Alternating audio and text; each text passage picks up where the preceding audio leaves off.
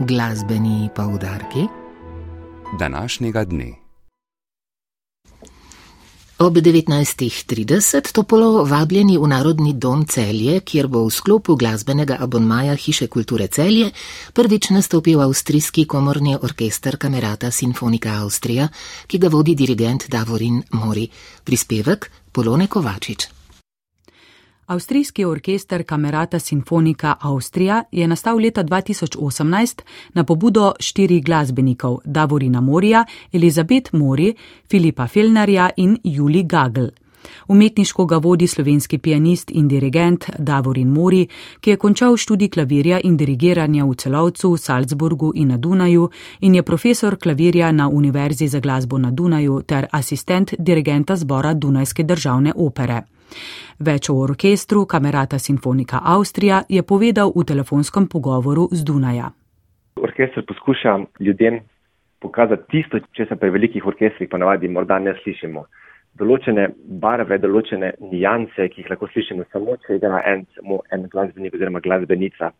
Potem tudi z orkestrom lahko nastopamo na dost manjših uh, odrih kot veliki simfonični orkester.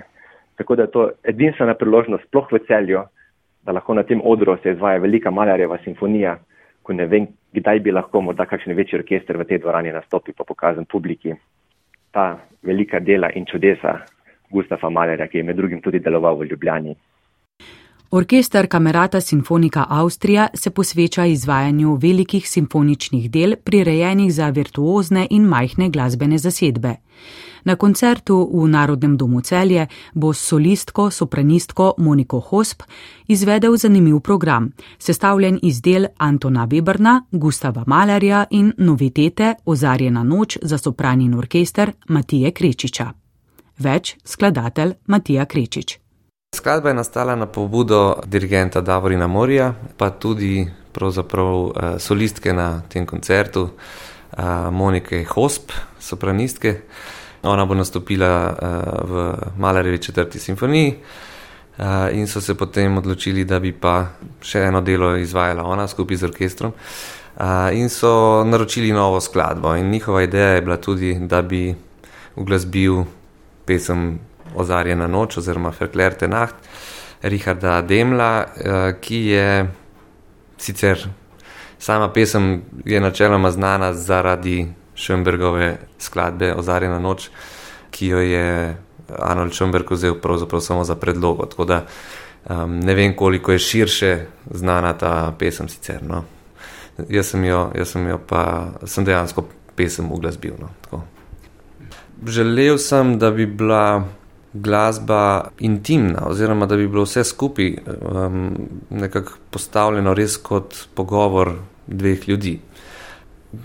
Ta glasba je pravzaprav uh, zelo slikovita, do določene mere sem se ukvarjal s tem, da sem iz orkestra izvabljal tudi mogoče um, kakšne zvoke, ki jih morda nismo, nismo vajeni oziroma tako so, so novejši tudi sopranistko sem mogoče v nekem oziru uh, mestoma uporabil kot inštrument. Ene verze sem uglasbil čist melodično, nekateri so pa v bistvu se bolj zlijejo, recimo z orkestrom, se, se, se glas soprana bolj zlije z orkestrom.